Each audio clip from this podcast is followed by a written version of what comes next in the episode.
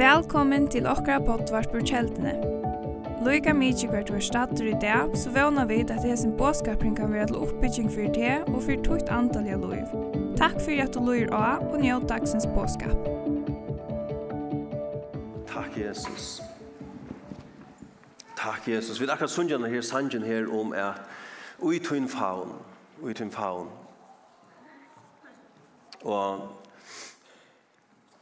atla ikke affæra, om jeg bryr vi hesen versen her i det, men, men jeg kom hukse med den her, jeg kom hukse med det her verset her fra Lukas evangelium kapitel 15, om hin borsevilsa sonen som, som renner heimann fra, og som, som sier vi papasøyn, etter Lukas 15, vers 11, her han, eller sender med vår heit for syner, og han, han inkre av dem, han sier, feir gjemmer den parsten av åkne som mer luknas, det vil si som han skulle finne da han, da papen døy egentlig, at han, han arven som han borde ha finne, han sier, hva kan du gjeva meg den arven nu, Og så sendte hun en sånn, den yngre sonen, han før av sted, og han spilte den her arven borster gjennom i en vanlig en løyve.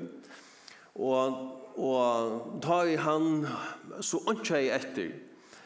Ehm ta han sett här ute just svinn och hungraje. Ta Jack han ut sig självan och han han uh, säger vi sig självan i vers 15 och vers 16 att hos människor delarna men tja färger har vi uvflå av breje och här dodge är hungre. Jag ska röjsa mig och färra till färger och säga vi en färger jag har synda mot himmel och fyrt här. Er ikke verdur langer øyda sånne tøyen. Let meg sleppa vera som en deløna mann tøyen. Og så kommer vi til vers 20, som er et av mine favoritt undlingsversen i Bibelen, som lyser så vel feiren. Da sender så røstest han, og kom til feir. Men men han enn vær lengt borster, sa feiren han, og sonen og, og, og honom tykte hjertelig synd i honom. Han forrennande, og leip om halsen av honom, og kysste han. Inn i faun. Amen. Inn i tøymfaun. Henda søvan byrjar vi at han, Jesus sier ikkje at det var tvær bodjar som hette en pappa. Henda, hetta lyknelse byrjar vi her Jesus sier at han var en mevor som heit tvær syner. Og og vi kan ska seta mengan henda her sonen i sentrum av seg søvn her. Og til er sjåan, han er òsne båskapen i seg søvne, om til å komme hjem, Men jeg tror vi at bådskapen til Jesus er lykke nek hos en feiren. Tog det som Jesus bare kritiserer over fire med landa, det som han byrjar, eller det som sin kapittel byrjar vi, det er at alle tottlare synder hilser ned til Jesus for at høyre han. Men bægi farseerne og henne skriftlar du knarra og så at du hesen teker mot syndaren og etter vi tøymon. Og Jesus byrjar så å fortelje seg her tru i lykkelsene om om ta borste misto, eller misto eh, drakmene, og han mista seien, han øyne av tom hundra. Og så kommer han til at tria luknelse om en han her borste mista, eller den vilsta sonen. Og jeg trykker vi at han, han høves båskapen vi er ikke forteller oss til er om feiren. Feiren som teker i møter og noen syndere. Feiren som teker i møter sånne søgnen, tar han i fattelen og tar han i syndere og tar han spilt alt borster. Son, sin yngre sonen, han äldre sier at han hei, han hei liva med landa sama við skøtjon, his nere yngre son Han hei spilt sitt liv bursar, han hei spilt alla ognen sin, alla pengarnar som han åtte, og han hei spilt navnet av færen bursar, han hei vannarst færen og færhuset, og, og ta navnet som han hei finnje. Og han så kommer heimater, og i en land lengt borset. Han så kommer heimater, så stendet her færen, sa han, men han var lengt borset. Og hatt det her lyser så vel okkara fær i himmelen. Han, han ser okkara jeg videre lengt borster. Han ser mennesker som er lengt borster, som er ute i myskene og så framvegis, som er ute i syndene. Men så stendte det her at men han var lengt borster, så sa færen han, og han tykte hjertelige synd i honom, og han får rennande og leip om halsen og honom i han. Og jeg trykker vi er sannført rundt her, at god feiren i himmelen, han vil gjøre just det samme for åkt og kvart menneske som kommer til han. Åkt og kvart menneske som vender sitt hjerte til å søke han, til å vende om, til å komme til han, og i sin synd, og i til myskre, til vannløs som til roi. Feiren i himmelen vil gjøre just det samme for han, han personen. Feiren vil renne. Jeg vet ikke om, om du kan umynda til god nærkant til renne. Renne Men jeg tykker til er, til er løter her god renner, og han renner for at han møter synen, synen, synen, eller vi møter mennesken som, som lever her ute i myskenen, og som vender om til han. God renner i møter timen. Tog han elskar deg, tog han tykker hjertelige synder mot ham, hjertelige synder ham. Og han halsfevner enda synderen. Han, han kysser han. Amen.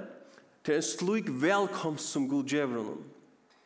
Og så sier han et her, færre, han sier, «Gjev jo honom beste klægene, og let han ut det, «Gjev jo honom ringa håndene, og skekk var av fødsene, færre sier han etter gøyngar gøyngarkolvnen, og drep, og drep igjen, og let i okken eta og vera glæ.» Og det er lukka som, det er lukka som en den her, eh, ives, hva skal man si, iveskriften, men det er lukka som, det er som, vi sutja at han å kvørst av sin lukkelsnån, til glede. Amen. Det er til at hesten er hesten her borste med seieren, han, han er funnet av seieren, han er øyne av ham og hundra, og, og han kommer aktivt til seieren, og han sier, gledest vi mer, at jeg har funnet seieren kommer. Og, og han, han sier at, jeg sier til henne vers 1, jeg sier til henne, så skal være glede i himmelen, om en syndare og vender vi mer enn 95 rettvis som ikke tørver omvending. Um, og og og og om man ser här jag ser kvinnan som finner drakmen åter her hon ser vinkonna vinkorna skal ska kunde gläst vi mer mer från det från från penningen åter och vers 20 säger så läs ser det kom ver glädje til onklan god som en syndare vänder vi Og så kommer den borsmästa sonen og han gjør en fest her, en varslo her til syndaren kommer hjem, og sier, lät jag kun glädjast til glädje i himmelen om ta i syndaren vändo. Till glädje till til till glädje till onkeln om første menneske som kommer til han. Og da vi kommer så til, til hese tøyene her, hjeltøyer og da fra stundet til jævla, så, så, er, så er det en, en glede hatøy, kan vi, kan vi si. Vi, vi gledast. Gledast om det at Jesus var født. Amen. Det er det som vi som tryggvand i ødelen for en gledast om. Heimren røyner at hava hava en gläs på en annan måta ta ta det jul. Hava varsler på en måta eller ger okkur stuttligt av julen kanske. Vi har en helt ära glädje som Guds folk. Amen. Vi har en glädje i Herren. Vi kan välja glädjas av julen. Och vi synja vi synja eh sanger som som är glädje så först jula kväll. Ja. Til Jesus fødder vær. Gledelig jøl. Og så vi. Vi da nekka jøla sanger om glede. Uh, joy to the world. Her nek, her nek jøla sanger om glede. Og, men vi kunne verlig gledast vi som øya Jesus. Vi har en frelse glede. Lukas kapitel 2 og vers 2 og 11 Kanskje vi kunne finne det her oppe. Ja. Uh, her stender til jævla evangeliet. Angelen, han sier vi her andre marsjene. Han sier, men, men angelen sier vi tar, øktest ikke, jeg kunngjør til en større glede, og skal være fyri alt falskje. Tykkon er i det frelsarføtter som er Kristus Herren i stedet Davids. Og så framvegis.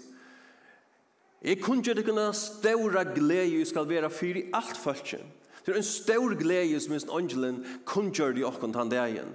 Det er en stor glede som han sier skal være fyr i alt følge. Det er en glede som god over atla fyr en kvørjon til øyneste menneske. Hva er det for en glede? Jo, at tikkun er i det frelsar føtter. Vi som øye Jesus, vi øye hesa gledene og jeg har hjertet. Hesa frelse gleden, hesa gleden i vårt øye og en frelsere. Det er fantastisk. Amen. Det er nekka som jeg ångar att du blir for gammal til å gledes du. Det er det jeg øye Jesus. Det er øye en frelsere.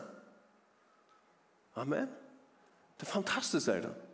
Men Gud har atla for hvert øyneste menneske at øye hesa glede. At øye seg glede av vita til at i øye Jesus, At i øye frälsaren Jesus Kristus. Halleluja.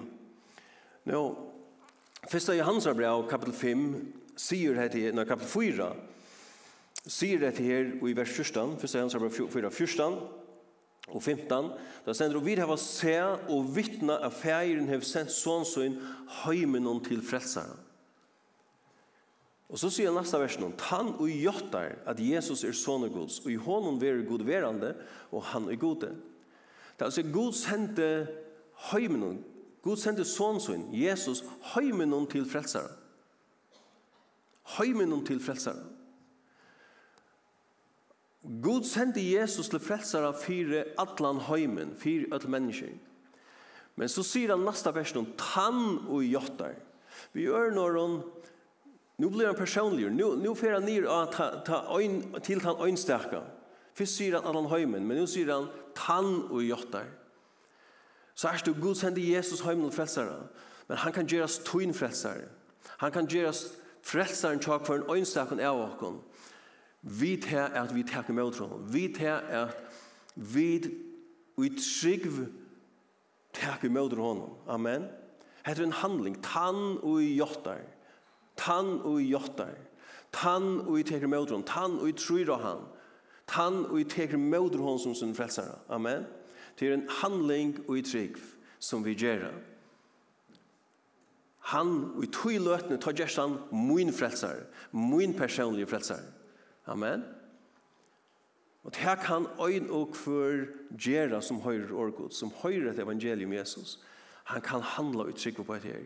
Og sier, varsk at jeg vil takke med som frelser han. Jeg vil takke med deg Jesus i mitt liv, som min frelser han. Og jeg minnes til løtene at jeg tok med Jesus som min frelser han som en smadronger. Og jeg kjente jo eller lydet til Bibelen, jeg kjente jo eller far verset i Bibelen. Men det er just som et her året sier her. At han øyne dagen, så tog en avgjør for Jesus, og jeg sier, og jeg gjør det jo, og jeg sier, jeg trygg vi av Jesus. Jeg trygg vi han døye for mine synder. Jeg er frelster. Amen. Og jeg tror jeg løtene frelster god med. Og jeg tror jeg løtene kom han inn i mitt liv. Og jeg tror jeg løtene ta gjørdes Jesus min frelsar, og henda gleden kom inn i mitt liv. Halleluja. Og så minnes jeg også at jeg, jeg førte mamma mine, og jeg sier mamma mine, mamma, jeg er frelster, jeg er trygg av Jesus. Øyla simpelt. Og jeg kjente bare etter det her en større glede som fyllte mitt liv, som en smadronger. Og jeg vil etter det her til at jotta Jesus, Hever du en møvelag til å vittne en møte, så, så, så vittne. Fortell, gjøtta, at hva skal jeg trykker av Jesus. Jeg har givet mitt liv til Jesus. Jesus er min frelser. Det behøver ikke å være så Ta Det kan være en stort gjøtting. Her to gjøtter Jesus. Amen. Det kan godt være at du er frelst, og det kan godt være at du tidsjer med Jesus, men hev du mulig til å gjøre Jesus, så vil jeg ikke der til å gjøre det. Etla, etla fyrir i omkring øren mennesker, tar du snakker vi omkring at hvis du kommer til å ta om, om ta andalig eller om god, at du kan bekjenne for en øre menneske, er trygg vi av Jesus. Det vil gjøre noe i tvinne løyve. Det vil knyta det nærre at Jesus. Det vil fylle det enn møyre vi har her frelse gledene. Amen. Det er, det, er, det er så godt her da, jeg kunne gjøre det her. Og jeg har gjort det mange ganger så igjen i øsene. Men la oss få til Hebreerbrev kapitel 12, for jeg har lest lykke om eller så färg är att tossa eller läsa om en en ära glede som vi läser om her i Bibeln. Och i Hebreerbrevet kapitel 12 läser vi om Jesus. Och vi tås, eller han tossar om her renna skøye, som har i fyrsett, men han sier vers 8 Hebreerbrevet 12 8 han sier, lärt ut i ösn i okkon då jag var så stor skudja vittnen undan om okkon lägger av okkon allt här i tynger och synderna som hongår så først på okkon og vi tåler renna skøye i okkene fyrsett. de egene vend av Jesus. Amen. Hervan de egene vend av Jesus. Eh, opphavsmann og fullkommer av troerne som fyrir gledene, og legg mest til det, som fyrir gledina og i fyrir i hånden la. Ikke eh, tålen, som fyrir gledene fyrir hånden la, tålen løy av krosset, og leie åndsju i vannærena, og sider nu vi høyre så jo hasatsgods. Så Bibelen tåsar her om en glede, og en glede som fyrer Jesus i la, og en glede som la fyrer framman tja Jesus. Det var en glede som la framman fyrir honom, en glede som la attan fyrer, eller hino med i krossen og som gjør det til at han tålen løy av krosset, som gjør det til at han fjord og gjør noen til pøyner, til pynsler, til løyinger som, som, som han måtte bære som han fjord og gjør noen av krossen. Det var nekka som han sa hine med igjen. Det var, nekka, det var en glede som han sa hine med igjen, og som gjør det til at han tålte til. Hvor vært han gleden? Han gleden vært to igjen. Ja. Han glädjen var at du och jag skulle komma og känna han. Tan glädjen var att människor skulle vara frälst og komma og känna han. Det var tan glädjen som han som han som la fyr i honom. Som gjorde det han talade till honom. Bibelen sier at uh, 4 Thessaloniker kapitel 5 og vers 20. Det stender til at at Jesus døye fyri okkon, fyri at vi skulle liva saman vi honom. Fyri at vi skulle liva saman vi honom. Og i Hannes kapitel 16, her sier Jesus i årene at vers 24, at feir, jeg vil at her som er ere skulle øyne teg som til å give meg, For jeg vil at her som er, skulle også teg som tog givet mer, vera tja mer. Jesus døye fire okkon. Jesus døye fire til, tog han yngste at du skulle liva vi honom, sema vi honom. Han ville ikke liva utan til. Han ville til at du skulle liva sema vi honom. Det tog han døye fire til.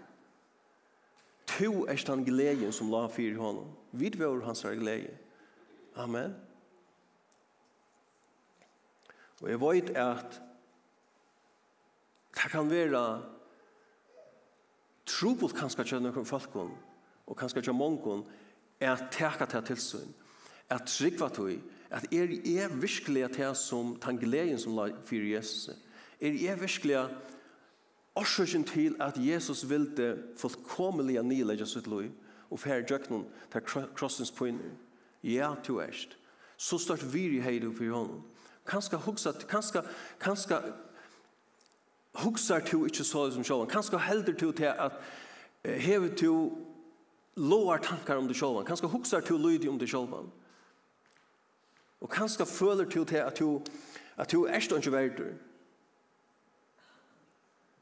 Men fyrir hånden hever til at å meta det størst, eller høgt viren.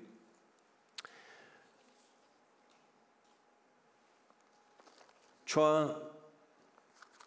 tja Sakarias profeten. Her sier, kom vi kanskje få Zacharias kapitel 2 og vers 12 opp. Eh, så, så sier han her at uh, så sier han her om Sion, eller om Israel. Så, så sier Herren, god herskerne, han som er sendt meg av sted at høyre, høyre seg, Eh, så sier han om tjårnar i randotikken, til han Tøyt han og nemortikken rører vi eknastøyen hansara.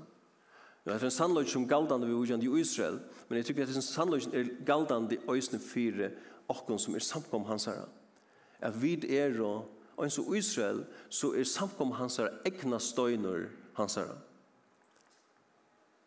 Vi er egna støyner hans vi er dyra bære fyrir i honom. Amen. Og jeg vet ikke om to nærkant til jeg har finnet nærkant ui eia. Men, men det er egentlig sårbart. Eia er egentlig sårbart. Og du, du, fast egentlig illt hvis du fast nærkant direkte i eia. Men såleis er det fyrir gode. Ta i onkur rører hans er, hans er samkom, hans er folk. At det er egna støyner hans er. Det her gjer honom illt ta i nekka rører vi hans folk. Um, Apostelsøn kapitel, kapitel 20 Apostelsøn kapitel 20 Her leser vi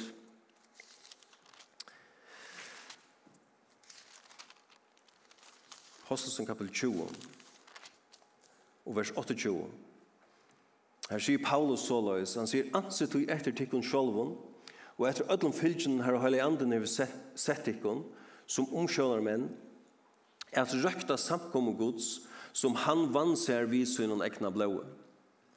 Så samkomman er fyra fyrsta samkomma gods. Hon er fyrsta ödlom samkomma gods. Vi kan ta oss om til at samkomman er, et moin samkomma og så videre, og det er fina sortan. Men samkomman er fyrst og fremst samkomma gods. Og Bibelen sier her at han vann sær sina samkommer. Han hever sjálfur betalt, han hever sjálfur rinda fyrir sitt folk.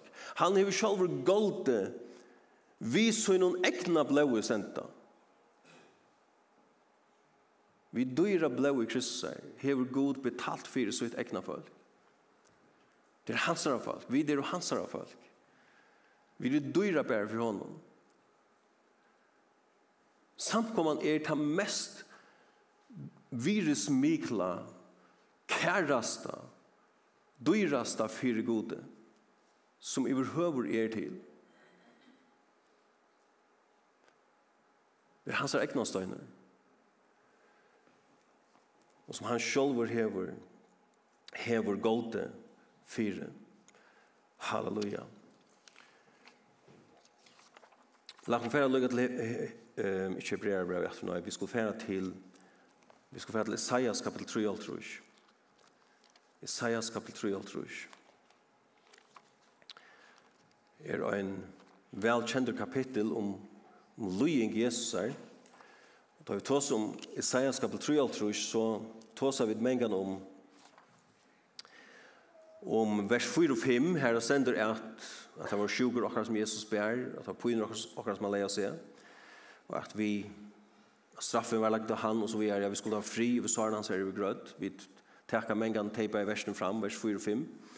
Men lagt noe her, hitje etter vers 11 og 12, og kanskje Uh, ja, nå lagt lukka ja, lagt tega vers 20 kanskje vi øysne. Da stender at det var vilje herrens, at såre han. Han slå han vid sjukken, da han sal hans herra. Hei full for skyldoffre skulle han suttje avkom og liva lunge og vilje herrens skulle de hava framgång vid hånd hans herra, Og legg så mest til hva han sier her. Det heter om Messias, det heter om Jesus. Atter fyri av sal hans herra hever haft møye, skal han få til at suttje som han mettast av. Her vi at hei kjenner han, skal hin rattvise tænar mun, rattvise gjerra mong.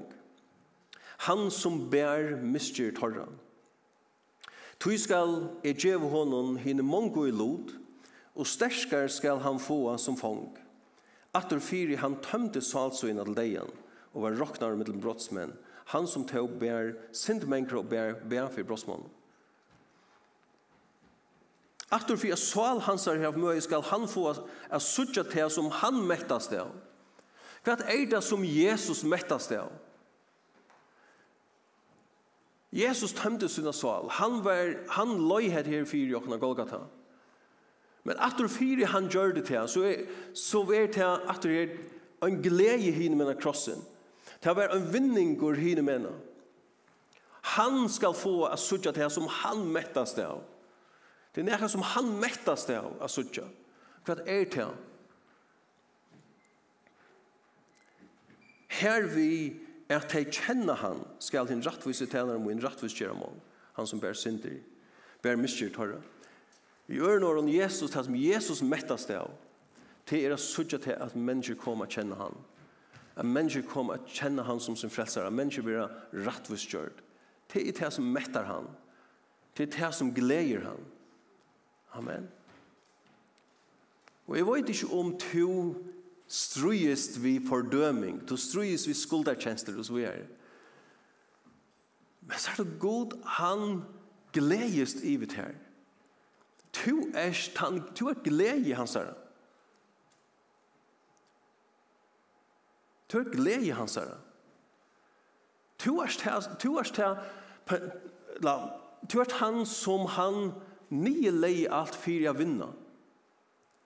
Jesus sier for ikke sakkottene, kvøytkottene i hjørnet døyr, så ver det så ver det best i døgnet. Men fetteltene i, i hjørnet og døyr, så ver det til negv. Amen, så ber det avvøkst. Jesus var kvøytkottene som fører i hjørnet døyr. Fyre er å få et heste. Fyre er vi skulle bli til mange. Fyre er å vinne noen. Fyre er at vi skulle leve vi hånden. Og det er et vers som i Josefanias kapitel 3 vers 16 som er ometalega kraftfullt halde Vi hava, og til vers 16, men jeg tar lukket her vers 14 først. Det er vers 14 her. Uh, altså sentur er at glete størliga døtter Sion. Let høyras fagna Israel. Gle og frø til av fotlon hjärsta døtter Jerusalem. Og jeg husker at her, her uttrykket her på en, um, hans uttrykk som han brukar, gled til størlige døtter Sion. Og jeg tror vi har hatt hever en, en, en, en, en båskap til okken. Vi er en parser av oss nere. Vi er en båskap til samkommende øsene. Amen. Så det er en dobbeltan tøtning her. Det er en båskap til Sion. Det er en båskap til Jerusalem, eller til, til, til, til Israel. Men samtidig er det en bådskap for øyne til Guds folk, til samkomne i det.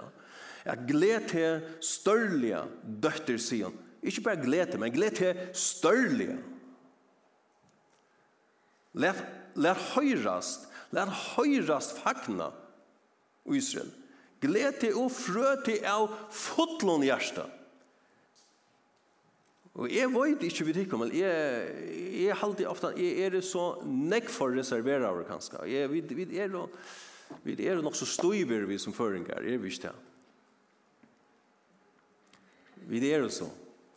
Vi hva som vi halda til kanskje, vi er jo kanskje synder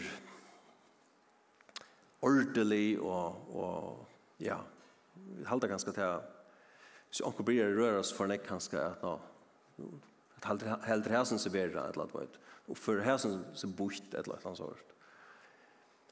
Men alltså nu har vi några när vi är i Örnstövon i hemmen och med till andra samma vi afrikaner och det är helt annan kultur. Och i husen från vi kunde kanske haft en mer av oss när att Let det størlige, av fotlån hjerte. Let høyrast. Amen.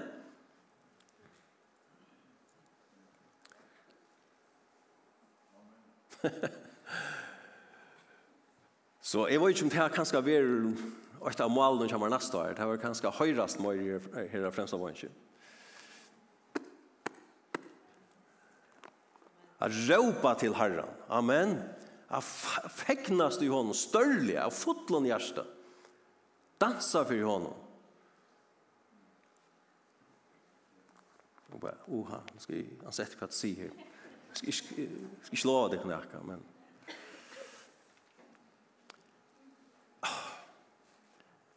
Men jeg tykker at god lykker til, god damer til. At ha vi av hjärsta, fotlån hjärsta prøys hon. Gledas til hon. Amen. Men så sier han vers 16, Er Herren god tøyn er tjat her, hertjan som frelser. Han fegnast iver til her vi glede. Han tyr i kærlega søgnen, Han frøyes iver ter vi fagnai. Nu tar samma uttrycket som god brukar, eller som Bibeln brukar om glädje i vers 1, om det att vid uttryck och glädje. Vi fröast av fotlån hjärsta och så vidare. Och det ska låta höjrast och så vidare, att vi, vi, vi fagnar god Det Ta samma uttryck för glädje, det brukar han i vers 16 om hur god glädje sig i rocken. Og jeg halte dette verset er så fantastisk. Og dette fer, må jeg alle, er underluta kjensler forsvinner, alle fordøminger forsvinner. God han hegnast i vitt her. Han gledes i vitt her. Han frøyest i vitt her vi fagnar. Og nu, nu hukte jeg etter onker øren tøyingen lyga, og jeg er nok stolt hitje etter vi først. Men han sier, onker tøying sier at at he will rejoice over you with joyful singing. As God will fröast i vi här vi glädjes at la vi glädjes sanje, fakna var sanje. Gud synger i vi här. Det var inte så imynda der til. Men Gud, han fäcknas, han glädjes i det här vi sanje. Amen. Og annan tydning säger at at he will rejoice over you with shouts of joy. Vi gledes råpen. Her god verlig sånn. Sett det her. Det gjør han. Iver falskesøgnen. Han gledes iver falskesøgnen. Vi fakna var råpen. Vi fakna var sanje. God synker iver søgnen falsk. Skulle vi det ikke sunnje fyr fyrir honom. Glett okkon ui honom. Fagna honom vi råpon og sanje og så videre. Amen. Det er så det. Vi er, det er kanskje syntuljer i morgen. Vi færer kanskje ikke at det er så øyne jeg er kanskje i morgen, jeg vet ikke, men ikke ødelen før det skal bli et inspirasjon for dere. Hva vidt, hvordan Gud ser sitt folk. Amen. Amen. Han hever kjøpt dere for det første, vi synd om blåe. Han hever vunnet dere, ser samkomne. Vi tilhører honom. Vi er hans er fullt og høylt. Amen. Vi er den gleden som la fyr i honom, hinne mellom krossen. Vi er den gleden som la hinne mellom krossen, som fyr i honom la. For vi kunne leva sammen vi honom, kjenne honom. Og han feknast i vitær om er. Han feknast i vitær om er. Han gledes i vitær Han synger i vitær Åh, god er jo ikke verdur. Jeg føler meg så, så, så i det. Ok, vi kunne føle oss på himmelska måter. Men god feknast i vitær. Han gledes i vitær. Han stender ikke vi en pojgefinger i møtet her. Og sier fy, fy, skamma til oss og vi er alt det. Jo, jeg vet vel at han, han vil rattle jo åkken til vi gjør skøyft og så videre. Han, han vil jo avminn åkken ting, det vet jeg vel. Men sagt, vi først så har vi disse myndene av god, at han er en ytler god, at han er røye god, at han er en strenge god, at han er en god som stender alltid klarer til å slå og, og, og se åkken på plass og så videre. Han er en god som er fotler av glede. Og til det som er etkjenner hans folk og glede. Glede.